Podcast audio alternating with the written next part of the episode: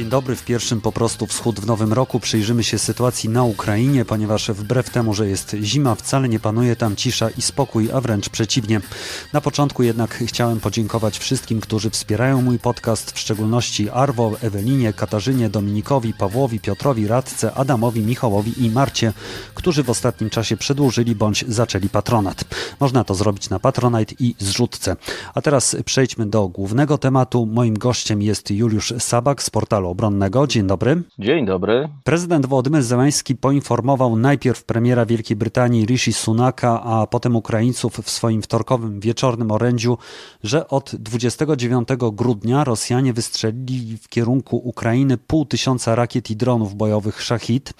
Skąd Pana zdaniem e, takie zwiększenie liczby ataków? Dlaczego Rosja się zdecydowała na to właśnie teraz? To jest dość typowe działanie rosyjskie i tak naprawdę E, można te powody e, podzielić na dwa, czyli e, psychologiczny i strategiczny. Psychologiczny jest taki, że no zbliżają się święta Bożego Narodzenia, które w obrządku prawosławnym wypadają 6 stycznia więc już za momencik.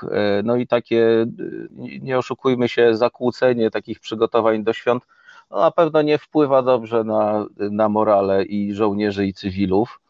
E, z drugiej strony, no, Rosja tak naprawdę próbuje powtórzyć, ale znacznie skuteczniej e, swoje zeszłoroczne zimowe działania, czyli e, zniszczyć maksymalnie dużo elektrowni, transformatorów, infrastruktury energetycznej, ciepłowniczej i tak naprawdę no, na tyle uprzykrzyć życie Ukraińcom, żeby im wojna z Rosją zbrzydła, już tak mówiąc bardzo prostym językiem. Tutaj sprecyzujmy, że część Ukraińców obchodzi już, obchodziła właściwie już święta 25 grudnia. Jest pewna część, która pozostanie przy tej starej dacie, ale niemniej jednak w zeszłym roku te wszystkie ataki były wcześniej, tak? Jeszcze przed takim rozpoczęciem tej kalendarzowej zimy.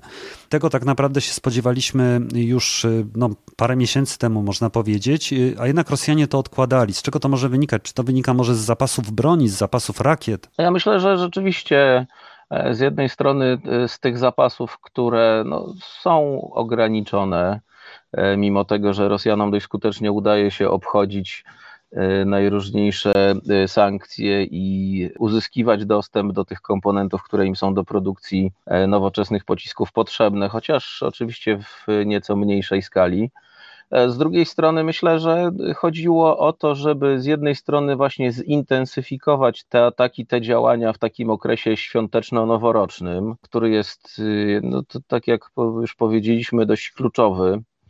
E, z drugiej strony y, myślę, że chodziło po prostu o czas żeby chociażby wyprodukować czy też odebrać e, od dostawcy, czyli Iranu, e, drony Shahid, amunicję różnego typu, po to, żeby właśnie skala tych ataków była odpowiednio duża, ponieważ o ile w zeszłym roku tak naprawdę ta obrona ukraińska była bardzo ograniczona, o tyle no obecnie, jak wiemy, szczególnie w rejonie tych kluczowych miast, tak jak Kijów czy Odessa, no działają nowoczesne systemy przeciwlotnicze, które takim, nazwijmy go umownie, niemrawym atakiem jak e, zeszłoroczne e, poradziłyby sobie spokojnie. No to widać po ilości chociażby e, raportowanych codziennie, no, no nie codziennie, ale w przypadku tych właśnie intensywnych ataków maszyn i pocisków i, i dronów, które tu idą w dziesiątki.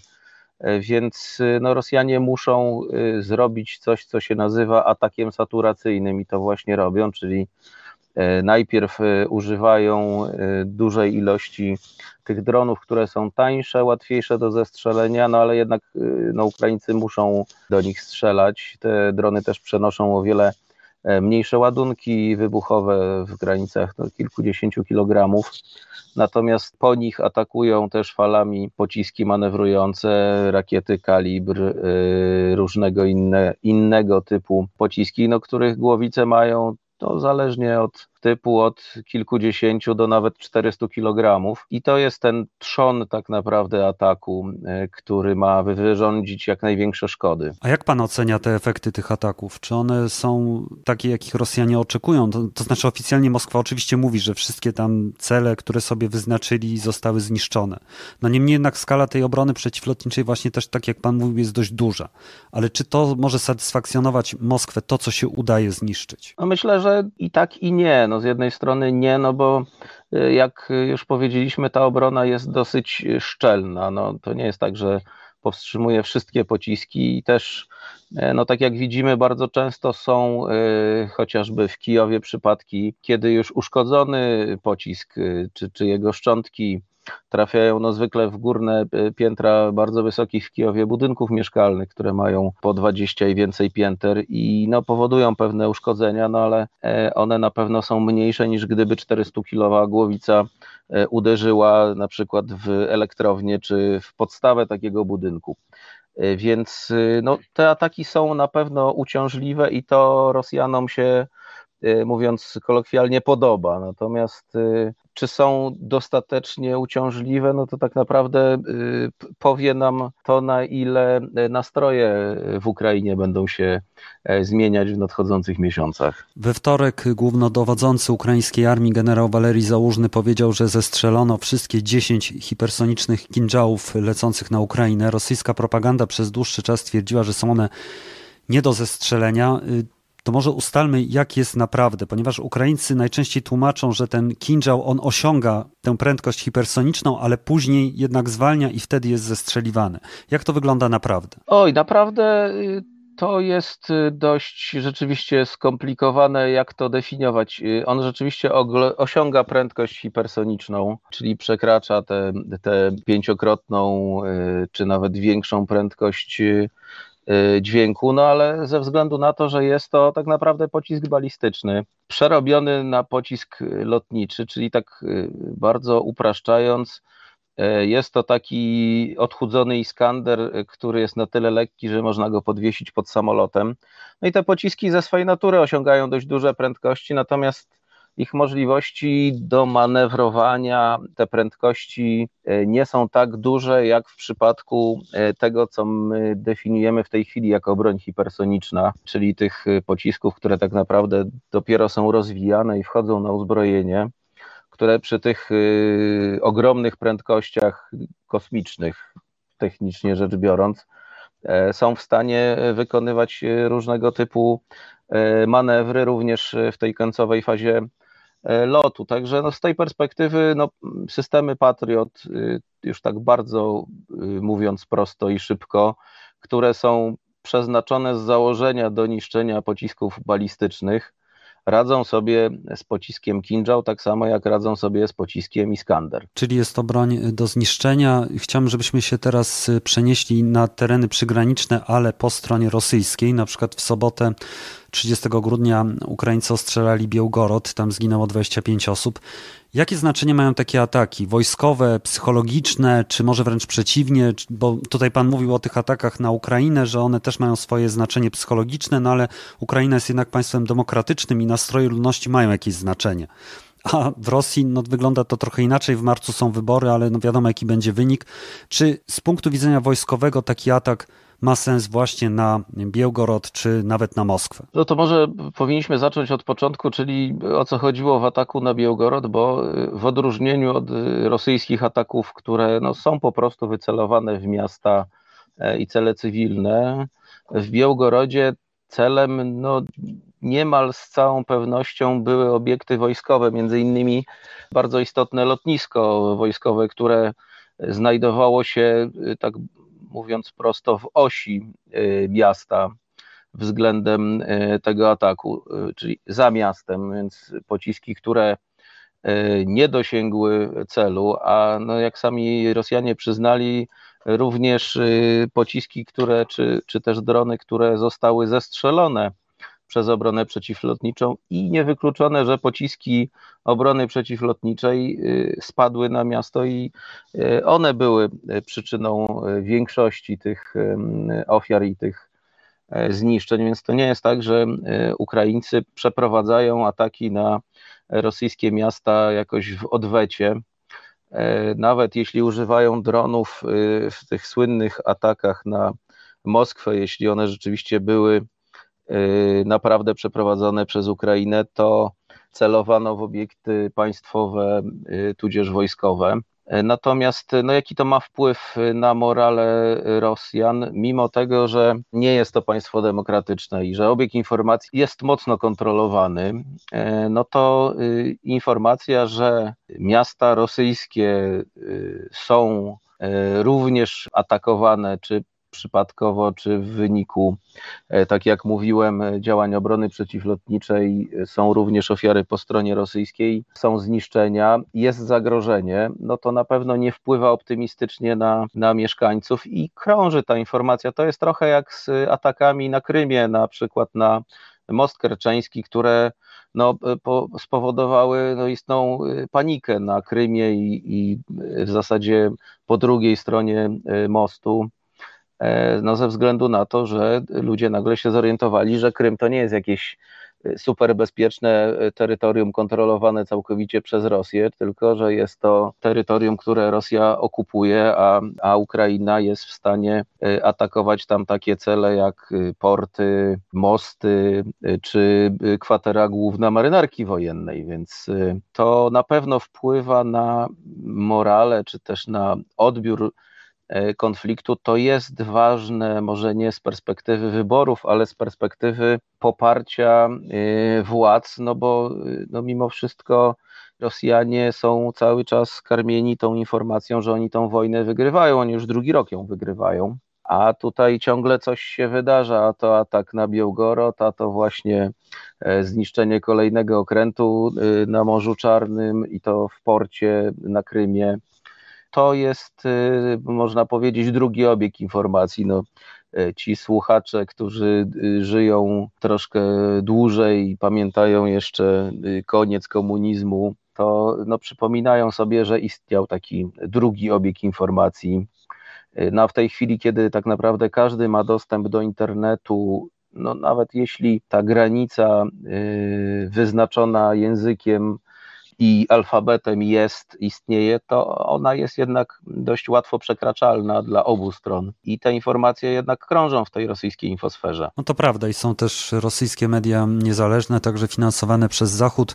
Pan wspomniał o okręcie Nowoczerkask, który był zniszczony w Teodozji na Krymie, ale w grudniu także Rosjanie stracili 8 samolotów, w tym myśliwce.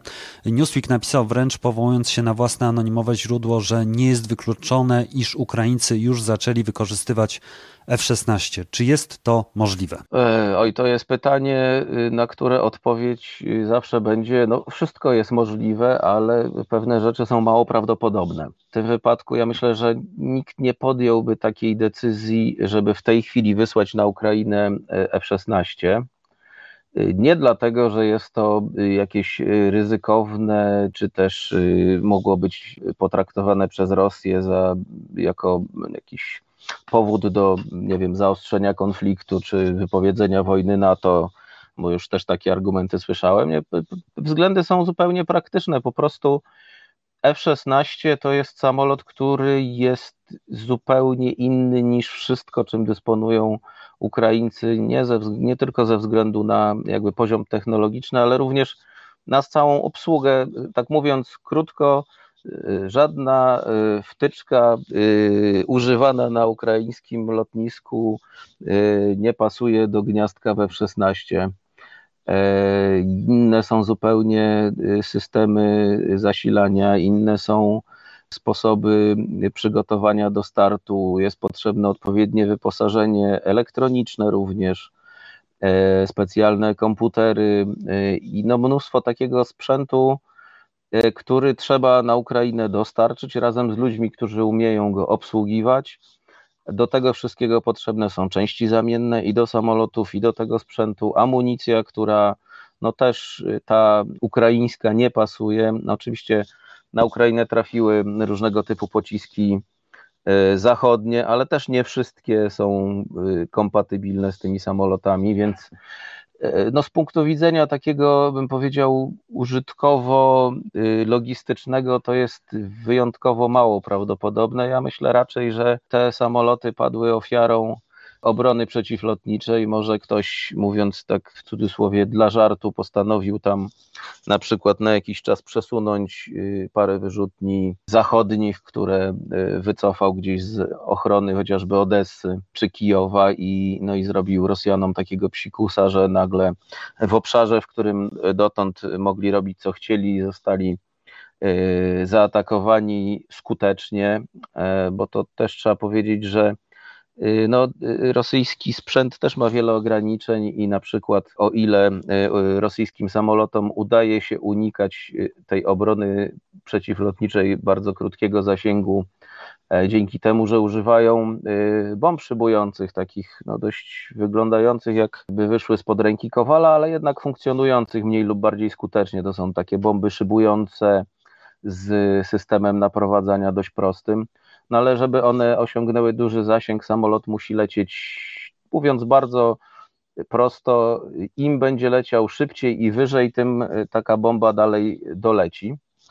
No w związku z tym taki samolot zrzucający e, bomby szybujące z jego zdaniem bezpiecznego dystansu e, i z większego pułapu no jest genialnym celem, takim można powiedzieć na tacy podanym dla systemu przeciwlotniczego, jeśli się go w tym miejscu nie spodziewa. I myślę, że ktoś taką e, pułapkę przeciwlotniczą e, sobie urządził. E, są przykłady z konfliktów wcześniejszych na takie właśnie niespodzianki, które się w przykry sposób kończyły dla lotnictwa jednej ze stron, więc myślę, że to raczej jest tego typu sytuacja. Natomiast F-16 i ze względu na to, o czym mówiłem, czyli tą całą infrastrukturę, którą tak naprawdę trzeba stworzyć na Ukrainie i to w tak bezpieczny sposób, żeby nie została zniszczona.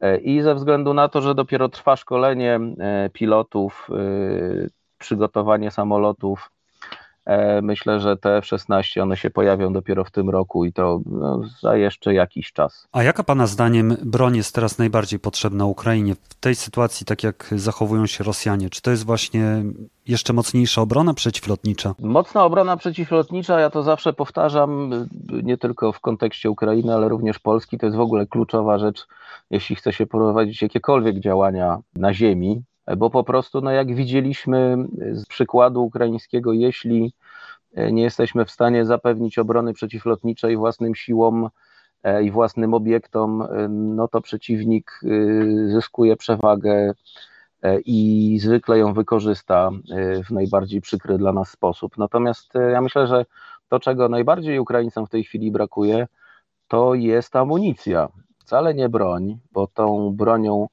jednostki są nasycane. Oczywiście są rodzaje sprzętu, który by się bardzo przydał, szczególnie w tych operacjach y, zaczepnych, a to jest przede wszystkim sprzęt wbrew pozorom nie taki jak czołgi, ale inżynieryjny, służący na przykład do rozminowania, do właśnie holowania uszkodzonych czołgów, do tworzenia różnych przejść przez przeszkody E, inżynieryjne, to wymaga też odpowiedniego zabezpieczenia. Natomiast no, kluczowa jest e, amunicja, bo ciągle słyszymy, że tej amunicji brakuje, ogromne ilości jej są zużywane e, i amunicji rakietowej, a przede wszystkim artyleryjskiej, która jest tania relatywnie i szybko się zużywa, jest wielo, bym powiedział, zadaniowa i no, to jest ten rodzaj amunicji, który no, schodzi w ilościach no, dziesiątek, setek tysięcy e, sztuk. I e, to, co widzimy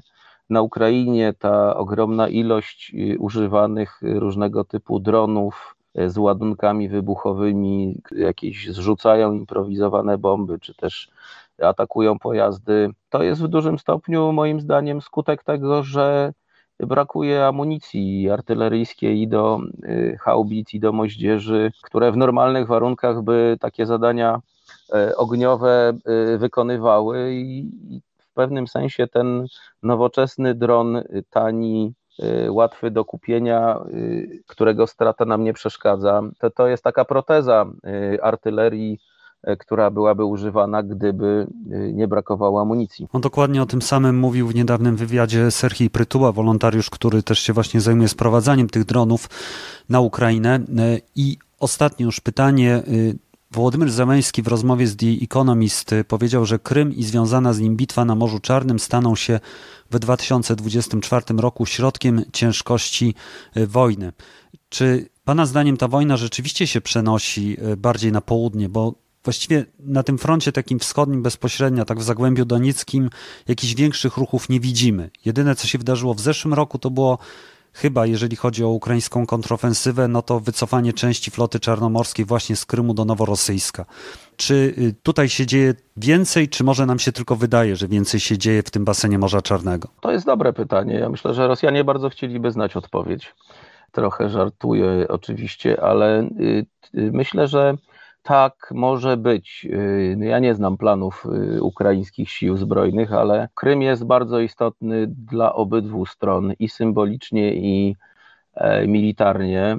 To jest też ten obszar, czy to miejsce, e, w którym no, być może dałoby się przełamać impas, gdyby udało się przeprowadzić e, jakiś skuteczny atak, być może desant morski, być może jakąś inną operację, która y, pozwoliłaby zagrozić tym siłom, które znajdują się na Krymie. I w ten sposób y, w pewnym sensie y, no trochę odciąć zaplecze, bo nie zapominajmy, że Krym mimo wszystkich problemów komunikacyjnych i mimo najróżniejszych właśnie spektakularnych zniszczeń, chociażby okrętu pełnego amunicji najprawdopodobniej y, szachidów lub czegoś równie wybuchowego.